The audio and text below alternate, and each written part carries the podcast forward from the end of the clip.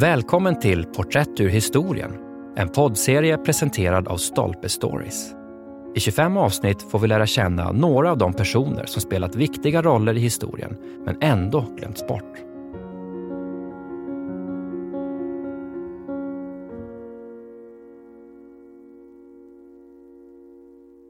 Jean-Denis Lanchouinet Orädd motståndare till skräckväldet av Jenny McCartney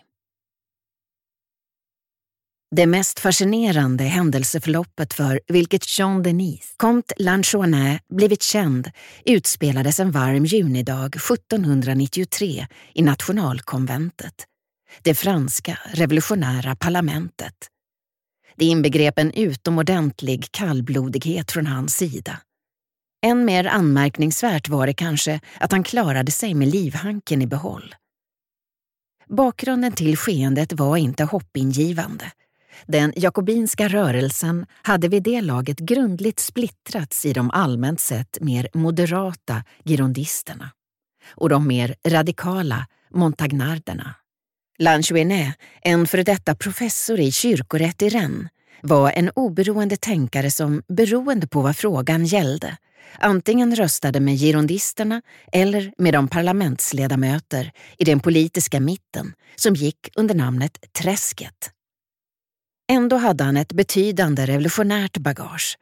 Han var en tidig förespråkare av konstitutionell förändring och var känd för sina frispråkiga angrepp på prästerskap, adel och kungligheter. Och han var en av ursprungsmedlemmarna i Bretonska klubben, en föregångare till Jakobinklubben. Den alltmer hetska schismen mellan girondister och montagnarder, i vilken även girondisterna onekligen betedde sig våldsamt emellanåt, speglade inte bara en ideologisk söndring, utan också bredare geografiska lojaliteter. De girondistiska ledamöterna, som satt till höger i konventet, hade sin maktbas i departementet utanför Paris de var mestadels för Frankrikes krig mot Österrike och Preussen, men tog avstånd från gatuvåld och beslutet att avrätta kung Ludvig den XVI. Montagnarderna satt högt uppe på vänstra sidan, eller berget, och intog den motsatta positionen i dessa tre frågor. De hade betydligt större politiskt inflytande i själva Paris. När konventets första sammanträde ägde rum, i september 1792, hade gerondisterna störst makt, även om den steg för steg höll på att glida dem ur händerna. Men den här dagen, den 2 juni 1793, skulle deras position förändras drastiskt och oåterkalleligt.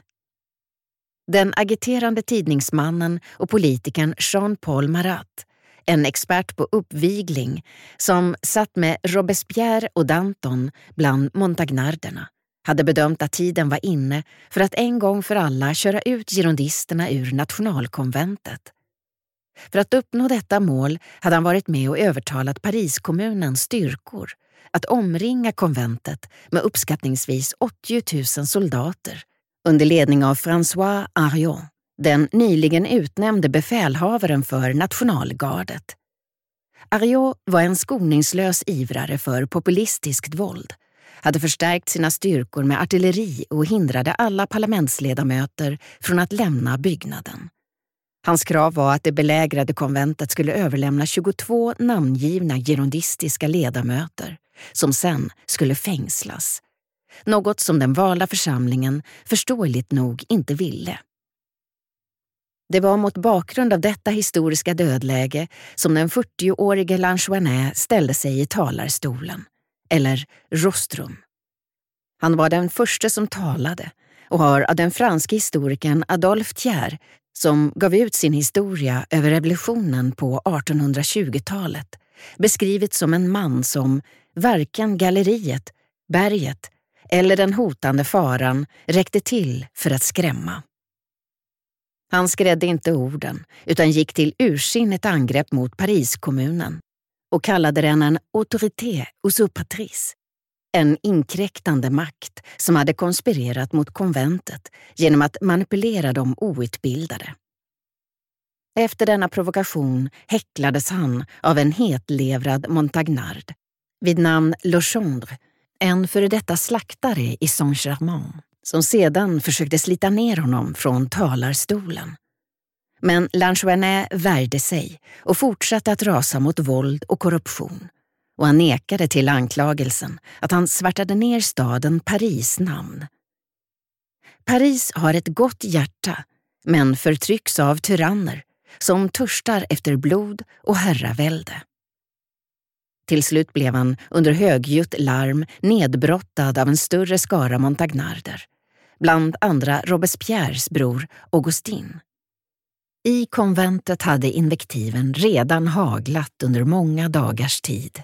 Men inne i kammaren och utanför den var den 2 juni den dag då den valda lagstiftande församlingen slutligen stod inför en avgörande kraftmätning med de parisiska massornas fysiska makt och den brutala styrkan vann.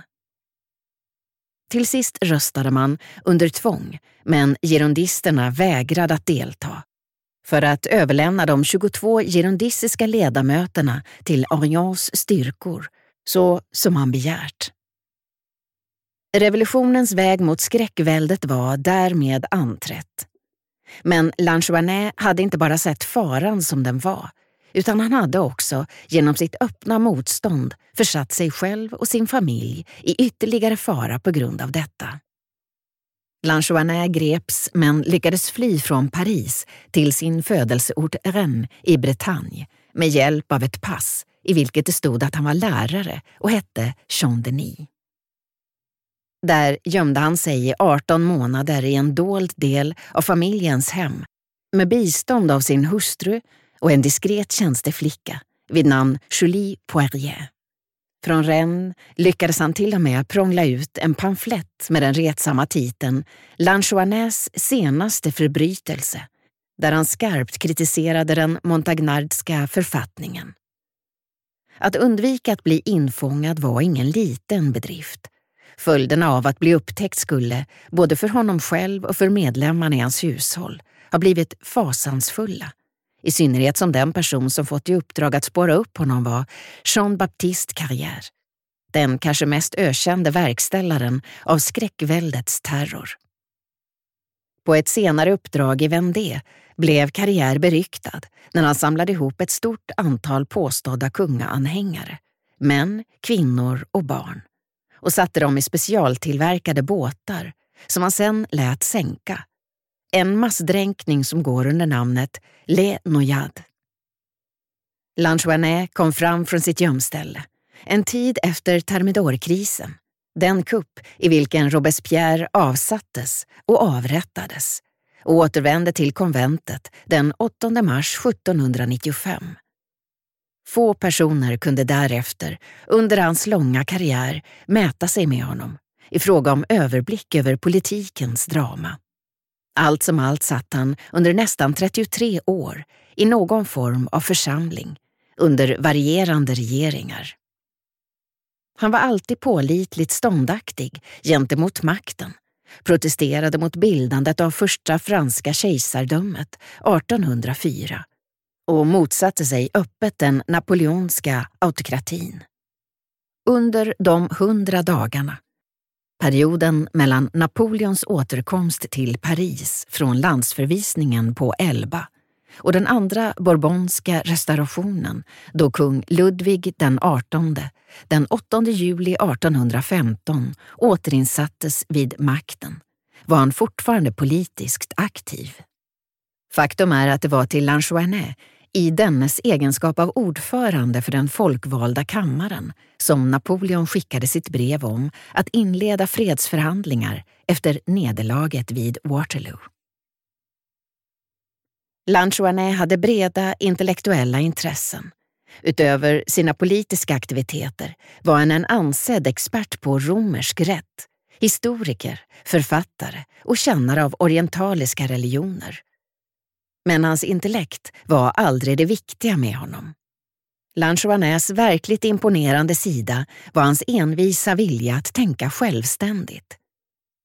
Revolutionen var en hektisk period då ett stort antal politiska aktörer fattade beslut som i allt högre grad byggde på partilojaliteter eller välgrundade farhågor om den egna överlevnaden. Något som i viss mån känns igen i dagens offentliga samtal. Lanchouinet var av allt att döma ovanligt oemottaglig för sådana impulser och följde snarare sina principer till deras naturliga slutpunkt oavsett hur mycket det stormade runt omkring honom. I frågan om vad man skulle göra med Ludvig XVI, till exempel något som gav upphov till ett frenetiskt partipolitiskt flaggviftande, ansåg han det vara riktigt att kungen fick en fällande dom. Men han motsatte sig att han skulle avrättas av skälet att det var fel av en nation att döda en besegrad fånge. Han uttryckte öppet sin avsky för pöbelvåldet under septembermorden 1792, vilka Danton och Robespierre blundade för. Men i sitt starka och konsekventa motstånd mot slaveriet stod han på samma sida som Robespierre. Hans omdöme präglades av uppriktighet, men var långt ifrån ofelbart, sett ur ett modernt perspektiv. Särskilt inte vad gäller inkluderandet av kvinnor i den politiska sfären.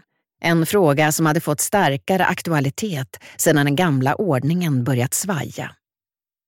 I april 1793, kort tid innan han drevs bort från konventet, uppmärksammade han att kommittén som lagt fram förslaget till ny författning tycktes ha nekat kvinnor politiska rättigheter.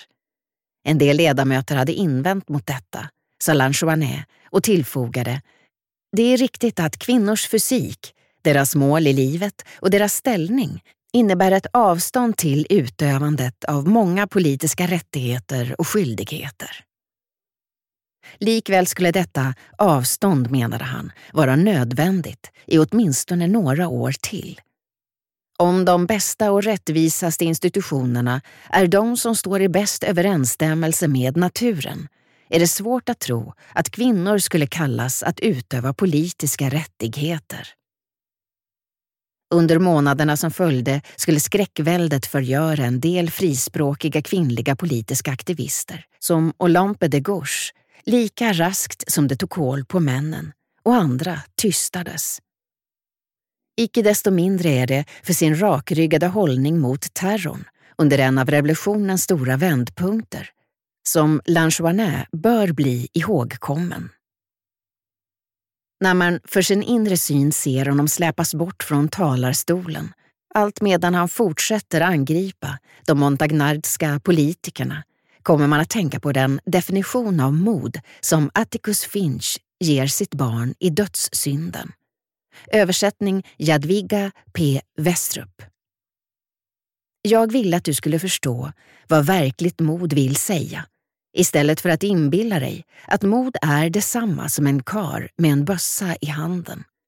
Mod är när du vet att du har fått stryk innan du börjar och löper linan ut, vad som än händer. Även om Lanchoana inte visste det då var hans egen strykperiod mirakulöst kort. Med få undantag blev de flesta framträdande girondister. Bland dem Brissot, Vergniaud, Roland och Lasors avrättade eller begick självmord för att undvika att bli fängslade. Montagnardledarna i motsatta lägret, män som Marat, Danton och Robespierre, gick alla i sin tur en förfärligt våldsam död till mötes. Blanchoinet var kanske en av de mindre kända namnen under franska revolutionen, men han befann sig med trots i sinnet, mitt i dess hetluft och levde fram till 1827. När han till slut vid 73 års ålder avled var det av naturliga orsaker. Hans son Viktor följde hans exempel och blev politiker. Jenny McCartney är journalist och författare. Hon har skrivit böckerna The Ghost Factory och The Stone Bird.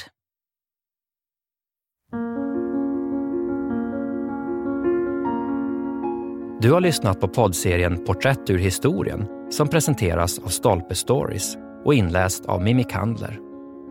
Serien är baserad på essäsamlingen Porträtt, människor som formade sin samtid men som historien glömde. Essäsamlingen finns ute nu. Glöm inte att du som lyssnar har 20% rabatt på alla bokförlaget Stolpes titlar på Bokus.com. Ange rabattkoden STOLPE20.